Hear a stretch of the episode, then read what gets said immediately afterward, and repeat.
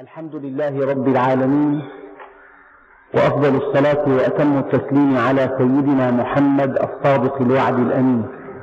اللهم لا علم لنا إلا ما علمتنا إنك أنت العليم الحكيم. اللهم علمنا ما ينفعنا وانفعنا بما علمتنا وزدنا علما. وأرنا الحق حقا وارزقنا اتباعه.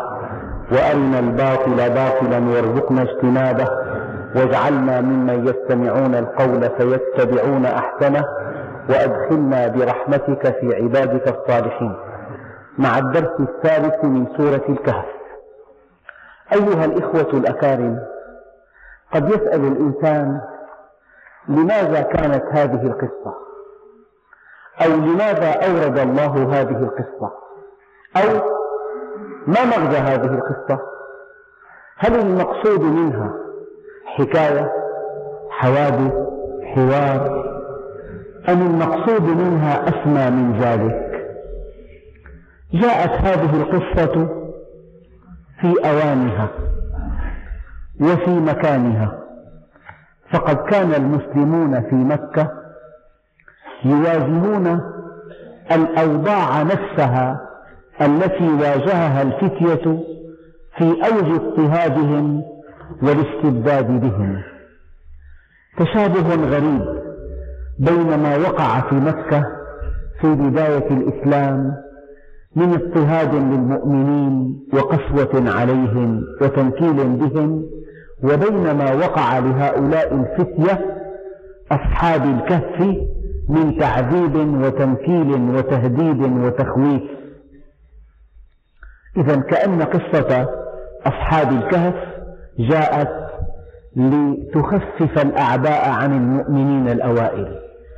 جاءت لتسليهم لتزيح عنهم الحزن. فكان الفتية يعيشون في فترة تشبه الفترة التي عاشها المؤمنون قبل أن يغادروا بلدهم إلى الكهف الفتية المؤمنون عاشوا البيئة والأوضاع والقسوة والمحن والمصائب والمضايقات نفسها. ولا تصوير أبلغ من تصوير القرآن الكريم. واذكروا إذ أنتم قليل مستضعفون في الأرض تخافون أن يتخطفكم الناس. هكذا كان المؤمنون في بداية عهدهم. هكذا كان المؤمنون في مكة المكرمة. قليل مستضعفون تخافون أن يتخطفكم الناس فآواكم وأيدكم بنصره. وكتب السيرة أيها الإخوة الأكارم تفيض بقصص الظلم والقسوة والتعذيب والتنكيل وتحكي من أخبار محنة سيدنا بلال وعمار وخباب ومصعب وسمية الشيء الكثير. إذا كأن هذه القصة جاءت بلسما شافيا لهؤلاء المؤمنين الأوائل الذين لاقوا ما لاقوا وتحملوا ما تحملوا. وكانت وكان صبرهم دليلا قطعيا على عظم إيمانهم. شبه تام بين الممتحنين في مكة وبين الممتحنين من أصحاب الكهف. فقص الله عز وجل في هذه الفترة الرهيبة التي يستولي فيها اليأس والتشاؤم وتزيغ الأبصار وتبلغ القلوب الحناجر قصة يوسف مع إخوته وقصة موسى مع فرعون وقصة فرد مع أمة ونبي مع جماعة وقصة أصحاب الكهف. هذه القصص لها أهداف تربوية كبيرة جدا. شيء آخر في هذه القصة نقاط التشابه بين مؤمني مكة في بداية عهد الإسلام وبين أصحاب الكهف أن هناك الإرادة القاهرة التي تنصر المؤمن على الكافر والبر على الفاجر والمظلوم على الظالم والضعيف على القوي والفقير على الغني بطرق تحار منها العقول وتشبه بها العقول ويؤمن بها الكافر ويوقن بها المتشكك. يعني في قوة قاهرة هناك قوة قاهرة تنصر الضعيف المقهور الذليل المظلوم الفقير تنصره على خصمه القوي العتيد الشديد. هذا وجه التشابه بين قصة أصحاب الكهف وهؤلاء المؤمنون الأوائل الذين لاقوا ما لاقوا من أجل عقيدتهم ودينهم. وما أشبه المسلمين في مكة بالفتية المؤمنين الذين لجأوا إلى الكهف فرارا بدينهم من الفتن. فبقوا, فبقوا فيه إلى أن قلب الله الليل والنهار وانقرضت الدولة الكافرة, الكافرة المضطهدة لأهل الإيمان والعقيدة. حينما أفاق أهل الكهف رأوا حياة أخرى ومجتمعا آخر وعلاقات أخرى وكأن الذي خافوا منه قد زال عنهم زوالا نهائيا. لذلك الله سبحانه وتعالى يقول فضربنا على آذانهم في الكهف سنين عددا. مجتمع منحرف يسود فيه الفجور والخلاعة والانهيار في القيم والانحطاط الفاجر هو القوي والمستقيم هو الضعيف الفاسق هو الغني والملتزم هو الفقير. مجتمع فيه ظلم وفيه انحراف وفيه قسوة وفيه ميوعة وفيه انحلال فيه ما في كل المجتمعات المتفسخة. هذه هي البيئة التي عاش فيها هؤلاء الفتية أصحاب الكهف. هؤلاء الفتية يبدو أنهم كانوا من بيوتات عظيمة من علية القوم يعيشون في بيوت يأكلون ما لذ وطاب ولكنها بلغتهم دعوة السيد المسيح عليه وعلى نبينا أفضل الصلاة والسلام. هذه الدعوة بلغتهم. حينما بلغتهم وقعوا في صراع داخلي. بين الحق والباطل بين الخير والشر بين أن يقفوا مع عقولهم وبين أن يقفوا مع شهواتهم بين المبدأ والمصلحة بين القيم والحاجات. هذا الصراع العنيف نشأ في نفوسهم أولا ثم انعكس على مواقفهم وعلى عقيدتهم وعلى تصرفاتهم. لذلك شعروا بالغربة. شعروا أنهم غرباء عن هذا المجتمع. ماذا يفعلون؟ إما أن يعتقدوا عقيدة صحيحة مع الموت وإما أن يحيوا مع الفساد في العقيدة. خيار صعب. لا مكان لموقف ثالث.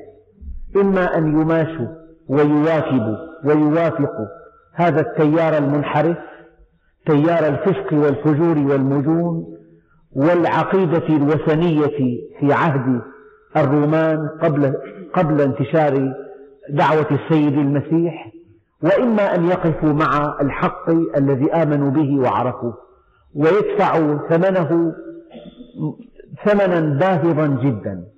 الأمر لا يحتمل حالة ثالثة إما أن يكونوا مع الحق ولا حياة مع الحق وإما أن يكونوا مع الباطل حيث البحبوحة والدعة والحياة الرغيدة.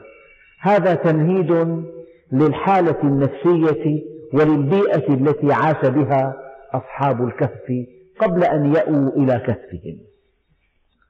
فضربنا على آذانهم في الكهف سنين عددا. إذ أوى الفتية إلى الكهف فقالوا ربنا آتنا من لدنك رحمة. الإنسان حينما يلتجئ إلى الله عز وجل وحينما يلوذ به وحينما يحتمي بحماه وحينما يستظل بظله حيث لا ظل إلا ظله. وحينما يخلص له وحينما يستقيم على أمره. وحينما يحبه وحينما يحتمي به. فقد ملك كل شيء. ابن آدم اطلبني تجدني. فإذا وجدتني وجدت كل شيء. وإن فتك فاتك كل شيء. وأنا أحب إليك من كل شيء. فأوى الفتية إلى الكهف. فقالوا ربنا آتنا من لدنك رحمة. هذه الكلمات لا يعرف مضمونها ولا ولا الشعور بها إلا من ذاقها. إذا تجلى الله عز وجل على قلب المؤمن شعر أنه ملك كل شيء. لذلك قال أحد العارفين بالله وهو أبو يزيد البسطامي والله لو يعلم الملوك ما نحن عليه لقاتلونا عليه بالسيوف. وهيئ لنا من أمرنا رشدا. يا رب تول أمرنا. وفقنا لما تحب وترضى. نجنا من القوم الظالمين. هيئ لنا خلاصا من هؤلاء. هيئ لنا حالة نرتاح بها من هؤلاء الذين يكرهوننا على أن نكون معهم على الوثنية والانحراف والسقوط. فضربنا على آذانهم في الكهف سنين عددا. ربنا عز وجل كما قلت لكم في الدرس الماضي العين قد تغمض أثناء في أثناء النوم ولكن الأذن مفتوحة. إذا الاستيقاظ يكون عن طريق الأذن. ربنا عز وجل مكان التنبه الوحيد وهو الصوت هو الأذن وضربنا على فضربنا على آذانهم في الكهف سنين عددا. ثم بعثناهم لنعلم أي الحزبين أحصى لما لبثوا أمدا. بعثناهم من هذا النوم الطويل. قلت لكم في الدرس الماضي إن أهل الكهف أو إن أصحاب الكهف ليسوا أنبياء. وهذا الذي جرى معهم هو خرق للعادات. أن ينام الإنسان ثلاثمائة سنة وهو بكامل هيئته وصحته وقوامه من دون أن يتلف جسمه أو يفنى جسده. هذه معجزة. إن كانت لنبي فاسمها معجزة وإن كانت لولي فاسمها كرامة. وهذا دليل قطعي على وجود الكرامة وها هي ذا يحدثها الله عز وجل لأصحاب الكهف. نحن نقص عليك نبأهم بالحق إنهم فتية آمنوا بربهم وزدناهم هدى. لك أن تبتل لك أن تبادر أنت وعلى الله الباقي والذين جاهدوا فينا لنهدينهم سبلنا. وإن الله لمع المحسنين. عليك أن تخطو الخطوة الأولى. عليك أن تختار الهدى. عليك أن تفكر وتتخذ قرارا في طلب الحق وعلى الله الباقي. يعني الخطوة الأولى عليك والخطوات الأخرى على الله عز وجل. ابن آدم اطلبني تجدني. إذا تقربت إلي شبرا تقربت إليك ذراعا وإذا أتيتني مشيا أتيتك هرولة. إذا رجع العبد إلى الله عز وجل نادى مناد في السماوات والأرض أن هنئوا فلانا فقد اصطلح مع الله. نحن نقص عليك نبأهم بالحق إنهم فتية آمنوا بربهم وزدناهم هدى. هنا مغزى دقيق جدا.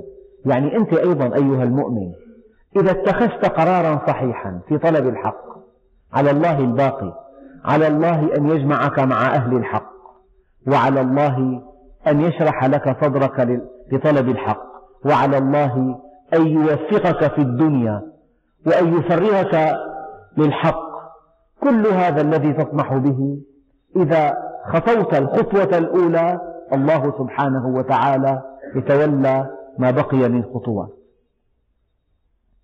وربطنا على قلوبهم إذ قاموا. الإنسان أحيانا ينهار داخليا ينهار نفسيا. تخور قواه الجسمية بخور أصاب قلبه. لكن المؤمن يربط الله على قلبه. يعطيه العزم يعطيه السكينة يعطيه الوقار يعطيه الصلابة. يعطيه قوة للتحمل. إنه كالجبل الراسخ. بينما الكافر أفئدتهم هواء. هنالك ابتلي المؤمنون وزلزلوا زلزالا شديدا. المؤمن يلقي الله في قلبه السكينة. وربطنا على قلوبهم إذ قاموا فقالوا ربنا رب السماوات والأرض لن ندعو من دونه إلها. هذا هو التوحيد. وهذا هو الدين وهذه هي العقيدة الصحيحة وهذا ملخص الأديان كلها. لن ندعو من دونه نعم إلها من دونه إلها لقد قلنا إذا شططا لو أننا دعونا من دونه إلها لقد خرجنا عن الحق خرجنا عن الاعتدال خرجنا عن دائرة القبول. هؤلاء قومنا اتخذوا من دونه آلهة لولا يأتون عليهم بسلطان بين فمن أظلم ممن افترى على الله كذبا. وإذ اعتزلتموهم وما يعبدون إلا الله. العزلة حق لأهل المعصية والفجور. إذا كنت في مجتمع فاسد إذا رأيت شحا مطاعا وهوى متبعا وإعجاب كل ذي رأي برأيه فالزم بيتك وامسك لسانك وخذ ما تعرف ودع ما تنكر وعليك بخاصة نفسك ودع عنك أمر العامة. وإذ اعتزلتموهم وما يعبدون. أي عاداتهم وتقاليدهم وقيمهم وأنماط معيشتهم ومقاصفهم ومتنزهاتهم وأنديتهم وأمكنة احتفالاتهم وأنماطهم وإذ اعتزلتموهم وما يعبدون إلا الله إلا إذا عبدوا الله عز وجل فعندئذ لا ينبغي أن تعتزلوهم. فأووا إلى الكهف ينشر لكم ربكم من رحمته ويهيئ لكم من أمركم مرفقا المرفقة الشيء الرفيق المريح. وترى الشمس هذه الآيات وقفنا عندها في الدرس الماضي مليا. وآثرت أن أتلوها على مسامعكم مرة ثانية مع شرح سريع كي تكون القصة متصلة. وترى الشمس إذا طلعت تزاوروا عن كهفهم وفي قراءة تزاوروا تزاوروا عن كهفهم ذات اليمين وإذا غربت تقرضهم ذات الشمال وهم في فجوة منه. يعني الله عز وجل دلهم على كهف كما قال المفسرون يقع في الجهة الشمالية فالشمس تأتيه صباحا مجانبة يدخل نورها فقط لا أشعتها وتغيب عنهم مساء كذلك. إذا كأن الكهف مفتوح على الجهة الشمالية بحيث يأخذ من الشمس نورها وضياءها ويتقي منها أشعتها المؤذية والكهف واسع وفيه تهوية جيدة وترى الشمس إذا طلعت تزاور عن كهفهم. الشمس إذا طلعت لا تدخل إلى كهفهم فتزعجهم تزاوروا عن كهفهم وإذا غربت تقرضهم يعني تقطعهم ذات الشمال وهم في فجوة منه أي من الكهف. ذلك من آيات الله. من يهد الله فهو المهتد ومن يضلل فلن تجد له وليا مرشدا. يعني إذا الله عز وجل أنس من عبد طلبا للهداية يهديه الله عز وجل. يا عبادي كلكم ضال إلا من هديته فاستهدوني أهدكم. من يهدي الله فهو المهتد والذي عرف الله هو المهتدي الوحيد.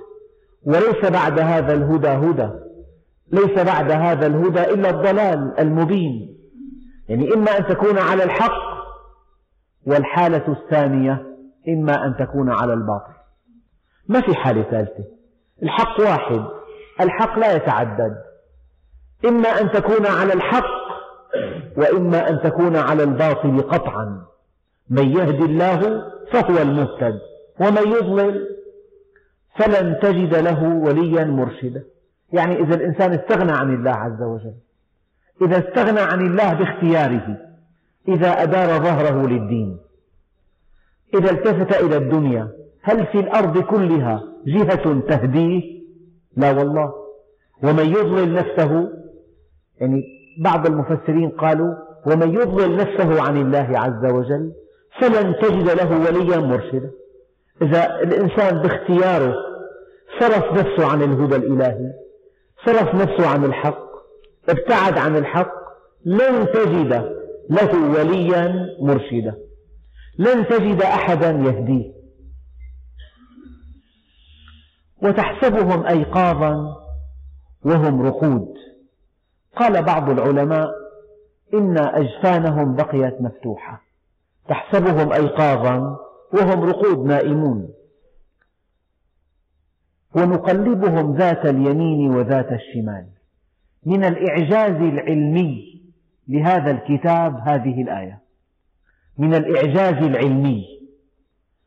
الإنسان إذا استلقى على فراشه العلماء يقولون إن وزن جسمه يضغط على الهيكل العظمي والهيكل العظمي يضغط على العضلات ضغطا ثانيا. وزن الإنسان محمول على هيكل العظمي مثلا عظم اللوح. إذا استلقى على فراشه عظم اللوح مع ما عليه من وزن جسمه يضغط على العضلات التي بين عظم اللوح وبين السرير. هذا الانضغاط يسبب انضغاط على الشرايين والأوردة التي في هذه المنطقة. وهذا الانضغاط يسبب ضعف في التروية في تروية العضلات. لذلك آه، تخضر كما يقول العامة هذه العضلات. الإنسان يغير استلقاؤه فلو راقبوا إنسان نائم لوجدوه بغير آه، استلقاؤه ثمانية وثلاثين مرة.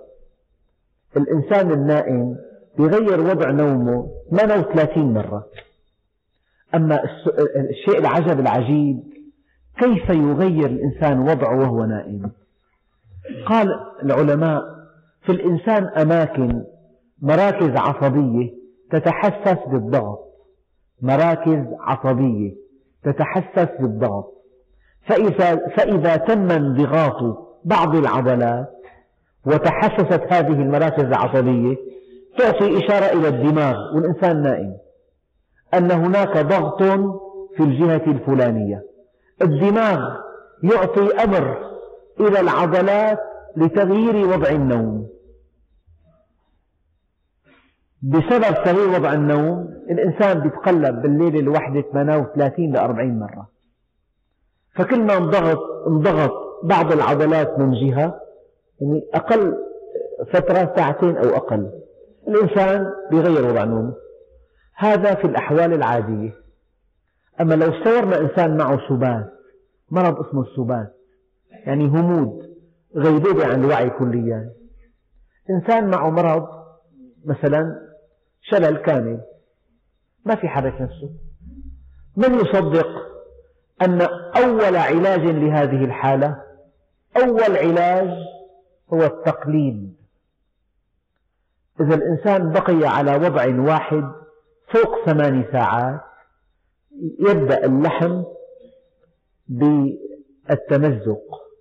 طبعا تضعف تروية الدم للنسيج العضلي عندئذ يصبح اللحم متفسخا. يقول لك انهرى لحمه أحيانا لو مريض نسي أهله أن يقلبوه معه سبات أو معه شلل إن قطع اللحم تنزع من أطرافه نزعا. هذه هذا المرض سماه العلماء قرحة السرير قرحة السرير.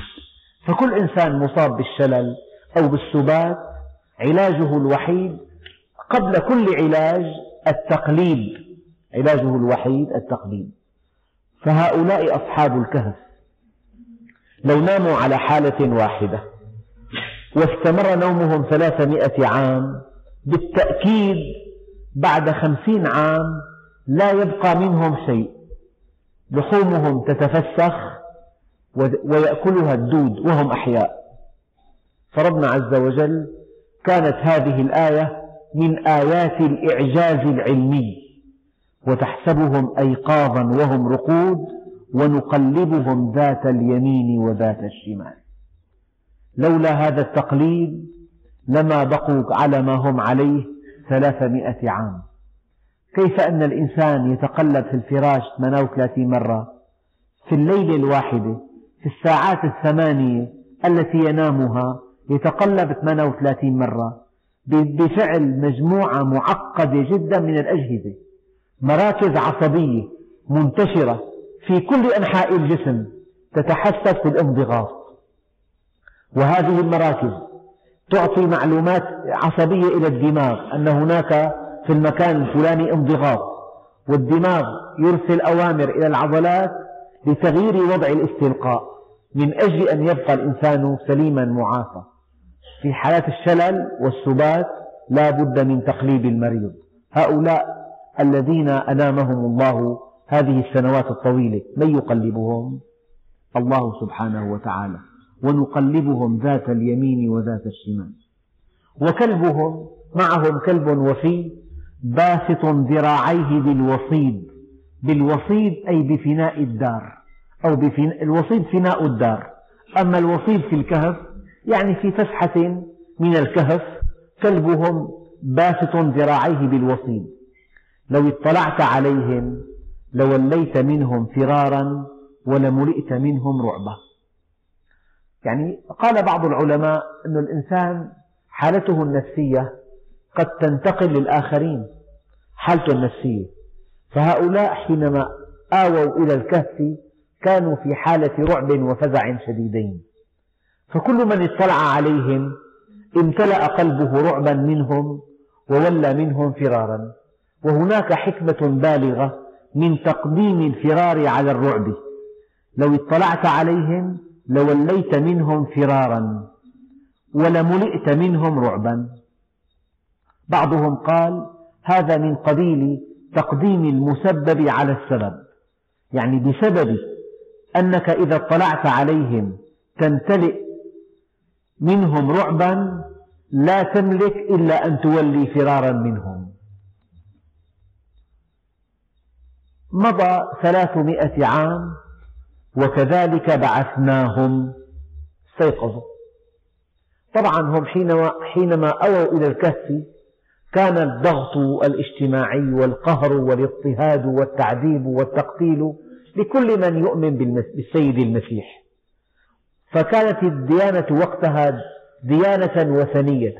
تؤمن بالأصنام تؤمن بإله الجمال فينوس وإله المطر وإله الحرب وإله الرياح وإله وإله.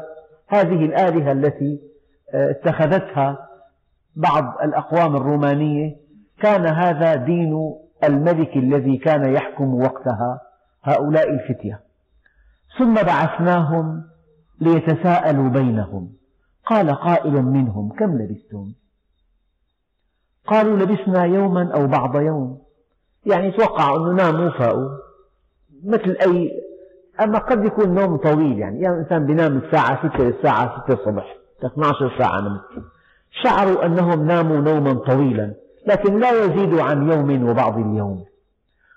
قالوا لبثنا يوما أو بعض يوم. قالوا ربكم أعلم بما لبثتم.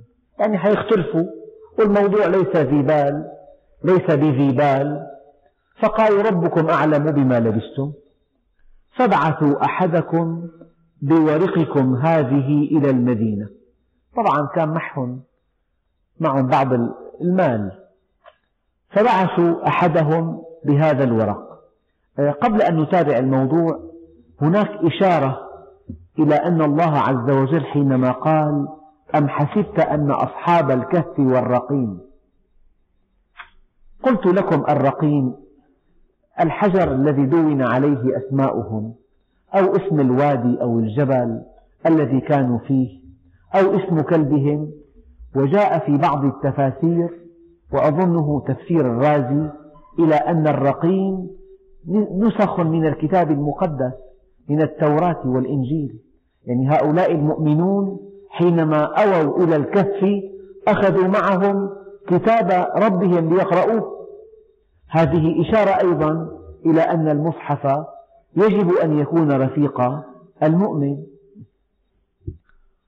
فابعثوا أحدكم بورقكم هذه إلى المدينة.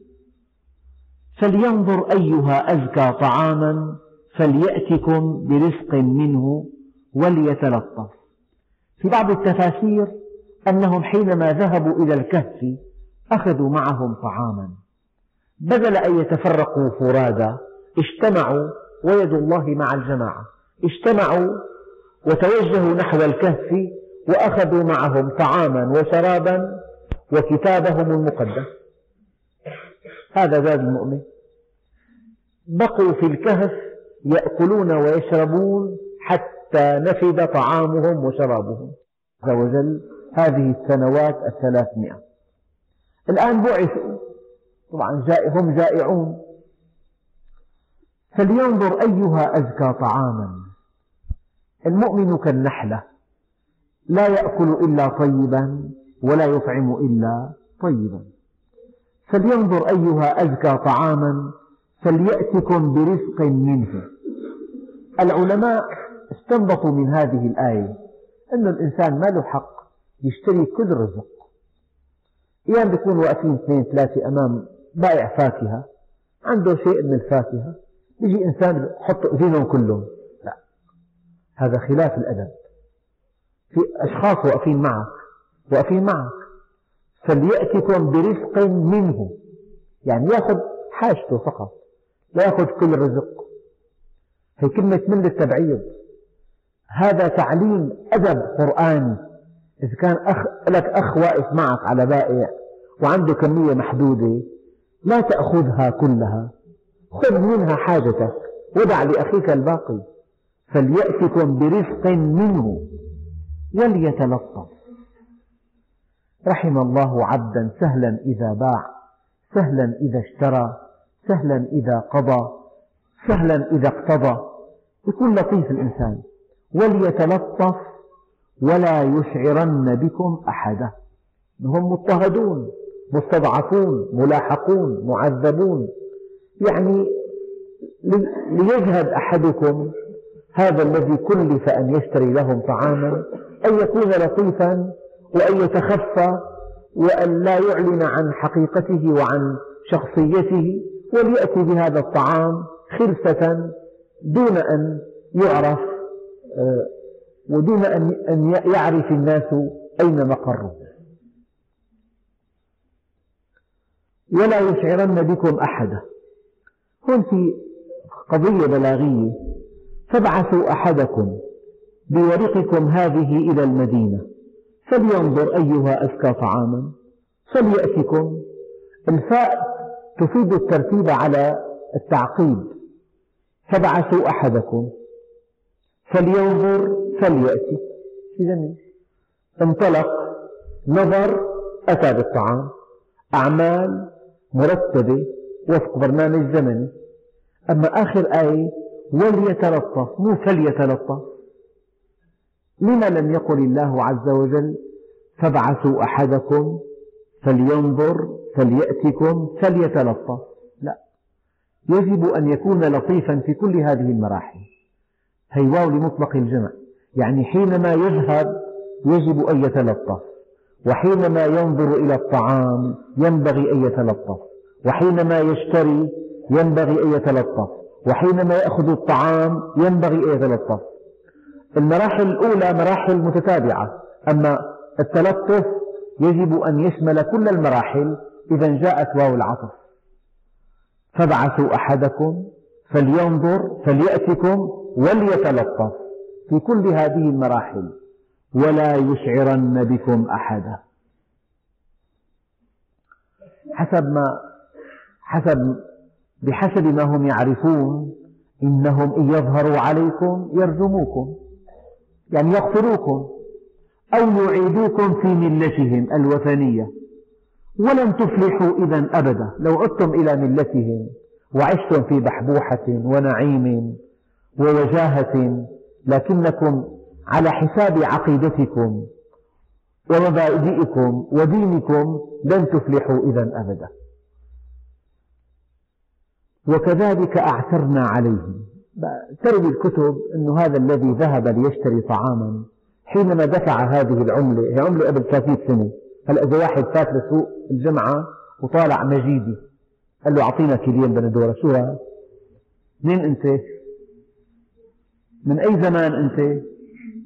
طبعا هذا الذي حصل أن هذا الإنسان ببالغ التلطف والتخفي والتستر لكن ظنوا أنه نايم ليلة واحدة نايم والمجتمع مجتمع وثني وكافر وفي قهر وفي اضطهاد فلما أبرز العملة التي معه قالوا ما هذه؟ من أين أنت؟ لكن شعر أن الأناس طيبون لا كالذين تركهم. طيبون. الدين قائم. شعر أن هناك تبدل تاريخي في هذه العودة. هم عرفوه وتتبعوه. وفي بعض القصص وصلوا إلى باب الكهف. ودخل أو قبلهم ثم ماتوا جميعا. أصحاب الكهف. وكذلك أعثرنا عليهم. أعثرنا. يعني أعثرنا عثر فعل لازم. أما أعثر متعدي. الله عز وجل لحكمة بالغة دل عليهم. ليكون هذا آية أنه أيها, أيها الناس هؤلاء الذين أخلصوا لي أحبوني خافوني استقاموا على أمري أنا أحفظهم أنا أحميهم. أنا أنصرهم على عدوهم أنا أتجلى على قلوبهم. وكذلك أعثرنا عليهم ليعلموا أن وعد الله حق. والله الذي لا إله إلا هو. زوال الدنيا أهون على الله من أن يخلف وعده معك. وعد الله الذين آمنوا منكم وعملوا الصالحات ليستخلفنهم في الأرض. كما استخلف الذين من قبلهم وليمكنن لهم دينهم الذي ارتضى لهم وليبدلنهم من بعد خوفهم أمنا. يعبدونني. إن الله يدافع عن الذين آمنوا. من عمل صالحا من ذكر أو أنثى وهو مؤمن فلنحيينه حياة طيبة. وكذلك أعثرنا عليهم. ليعلموا أن وعد الله حق وأن الساعة لا ريب فيها. هذا الذي يشكك في الآخرة. جعل هؤلاء الناس المسيحيين يرون بأم أعينهم أنه حينما اختفى هؤلاء لهم قصة في التاريخ مشهورة. حينما اختفى أصحاب الكهف كان الملك الطاغية يلاحقهم. عرض عليهم الإيمان بديانته الوثنية وأمهلهم يومين ثم اختفوا فلهم قصة مشهورة أين هم؟ كيف اختفوا؟ لا تزال قصتهم تسير مع الزمن فلما رأى هؤلاء أصحاب الكهف قد, قد حفظهم الله عز وجل كل هذه الفترة وقد أحياهم كان هذا دليلا على الإيمان باليوم الآخر.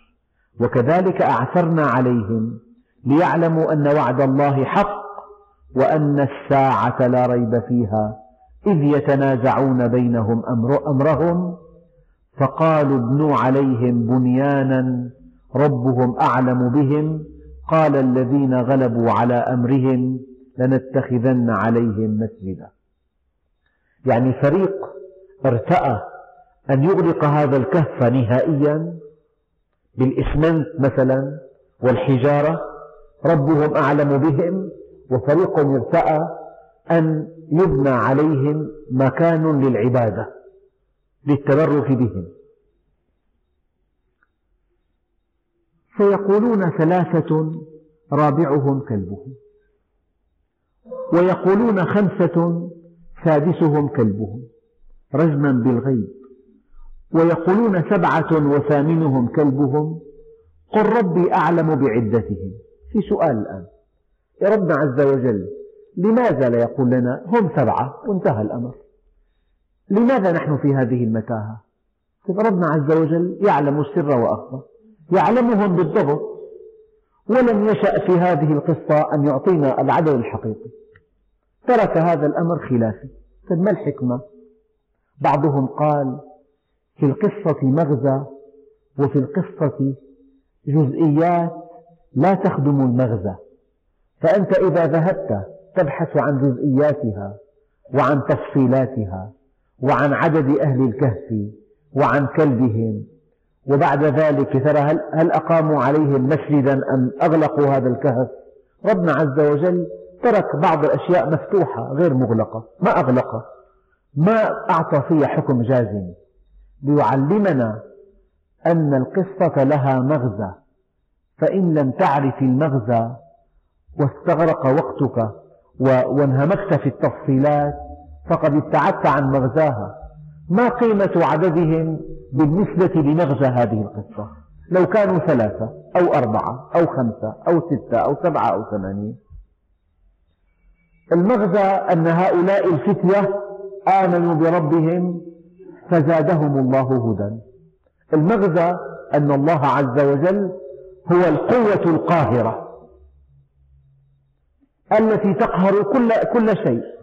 فإذا كنت معه فلا أحد ينالك بالأذى. إذا كان الله معك فمن عليك وإذا كان عليك فمن معك. المغزى أن تبتعد عن التفصيلات وعن الجزئيات وعن العدد والمكان. أخي وين مكانهم؟ بأي مكان؟ يا ترى بتركيا لما باليونان لما بمدينة اسمها بعض طرسوس ببعض التفاسير جاءت. مكان أما بالشام عند الكهف هنا.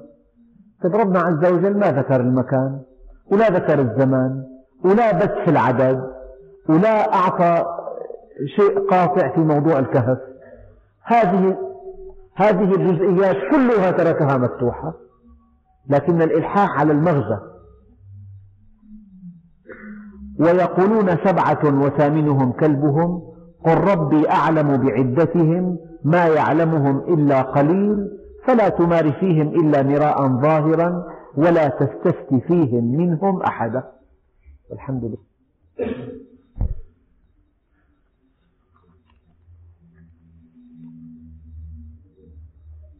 تمار فيهم إلا مراء ظاهرا ولا تستفت فيهم منهم أحدا. يعني هذه التفصيلات والجزئيات لا جدوى منها. فالذي سكت الله عنه يجب أن تسكت عنه. وابحث عن المغزى الذي أراده الله من هذه القصة هذا هو الاتجاه الصحيح. أما الاتجاه إلى التدقيق في التفصيلات والوقوف عندها والغوص فيها والغفلة عن المغزى الكبير الذي أراده الله من هذه القصة هذا اتجاه خاطئ. ولا تقولن لشيء إني فاعل ذلك غدا. من عد غدا من أجله فقد أساء صحبة الموت. قل إن شاء الله استثني. إذا استثنيت فقلت إن شاء الله كلامك صحيح. أما إذا قلت إني سأفعل ذلك غدا فأنت لا تعرف ما الحياة. الإنسان في ثانية واحدة يصبح من أهل القبور. إلا أن يشاء الله. لكن إن شاء الله هي لها معنى عامي يعني إذا الإنسان ليس جادا في الدفع بدك إن شاء الله بعطيك.